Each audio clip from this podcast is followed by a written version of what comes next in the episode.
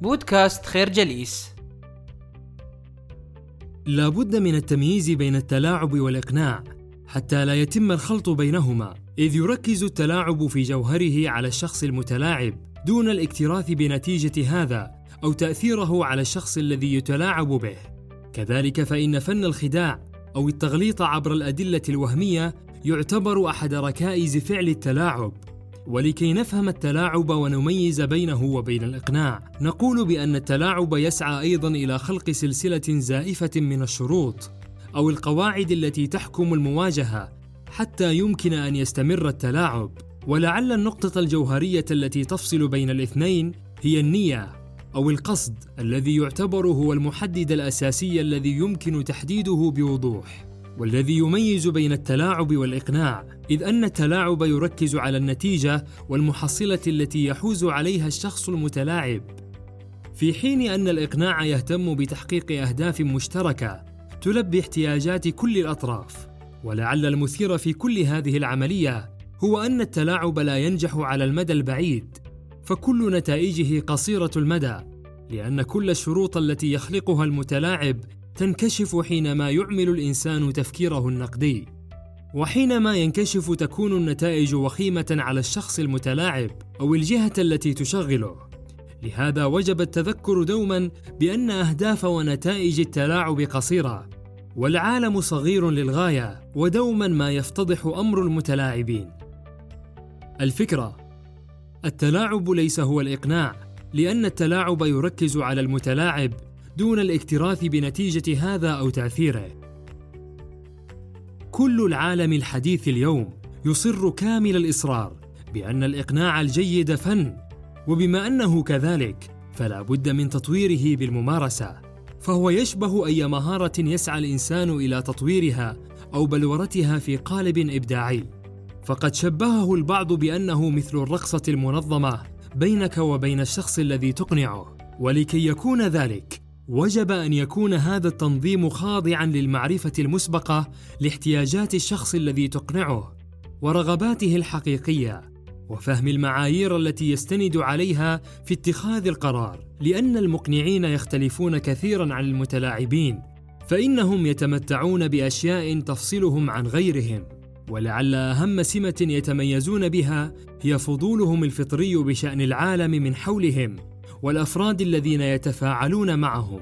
لهذا تجدهم يبحثون عن معرفة القوى المحركة للآخرين ومحددات رغبات من يريدون إقناعهم وتكوين علاقة طويلة الأمد مع قائمة من الأشخاص الذين يتعاملون معهم في إطار من الاحترام المتبادل. وهذا يعطينا انطباعا بأن الإقناع لا يتعلق فقط بالبيع وإنما أيضا بالحصول على الموافقة والدعم. لأنه يسعى في الأساس إلى خلق أو إيجاد أرضية مشتركة تلتقي عليها أطراف الإقناع. الفكرة المقنعون يختلفون كثيرا عن المتلاعبين لأنهم يتمتعون بميزات تفصلهم عنهم. يمكننا تشبيه عملية الإقناع ببناء منزل فسمات شخصيتك والمميزات التي تنفرد بها عن غيرك هي ما تجعل الآخرين يتواصلون معك ويتفاعلون. فهذه السمات هي بمثابة الأساس والركيزة التي يقوم عليها المنزل وجدرانه. لهذا فشخصيتك هي المخزون الخفي القادر على الإقناع شكلا ومضمونا. ومن أجل تحقيق هذه الشخصية المثيرة والمقنعة لا بد أن تطور من شخصيتك بحيث تدعم رسالتك بالكامل وذلك بتقمص الدور المنوط بك بشكل كامل وعلى جميع المستويات. وإلا فقد يتخذ الذين ترغب بإقناعهم قرارا يتعارض مع مصالحك. تبين الأبحاث الحديثة أن الأشخاص يتخذون قراراتهم بشكل فوري إذ لا يحتاجون إلى كم هائل من المعلومات من أجل اتخاذ القرارات المناسبة.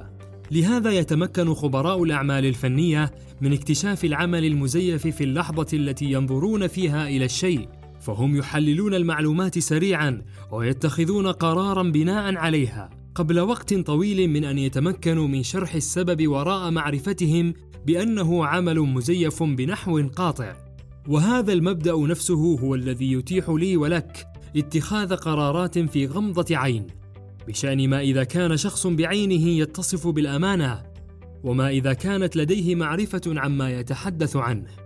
وما إذا كان يهتم بالعمل على تحقيق مصالحنا. لهذا لا بد من التركيز على ثلاثة عناصر في شخصيتك تساعدك على الرفع من مستوى الإقناع. اولا المظهر. ثانيا الصوت ومهارات التواصل. ثالثا التهيئة. الفكرة. شخصية الإنسان هي الكنز المدفون في داخلك من أجل تطوير ملكة الإقناع. يتميز الشخص المقنع بتوظيفه لمجموعة من الأساليب تجعله يمارس عملية الإقناع بكل سهولة ويسر. ويتمثل الاستخدام الأمثل لأدوات الإقناع السريعة في أن تؤدي دورا داعما وناعما حيث يمكنك جمعها مع غيرها من الأساليب الأكثر تعقيدا من أجل تحقيق استراتيجية شديدة الفاعلية. ولعل أهم هذه الأساليب ما يلي المضاهاة الاجتماعية. لكي تستخدم المضاهاة الاجتماعية في الإقناع. اعرض أكبر عدد ممكن من الأشخاص الذين يشبهون الشخص الذي تقنعه. لكن صفهم بالتميز لأنهم يشبهونك. إن هذا الأمر يمد الناس بقدر كبير من الشجاعة للإقدام على فعل أمر ربما لم يفعلوه من قبل.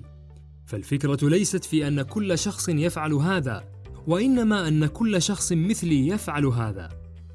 التوافق. إن حشد التوافق على مدار عملية الإقناع يسهل كثيرا على جمهورك الوصول إلى النتيجة التي تريدها. التقمص العاطفي.